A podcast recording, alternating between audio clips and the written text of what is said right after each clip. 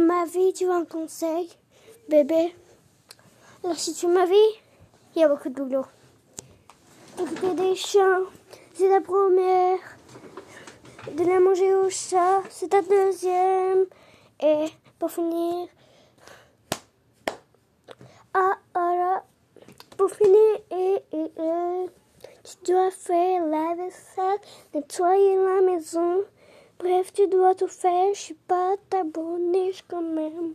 Tu sais, moi je t'aime bien, mais à ce point-là, si c'est ça, je te quitte.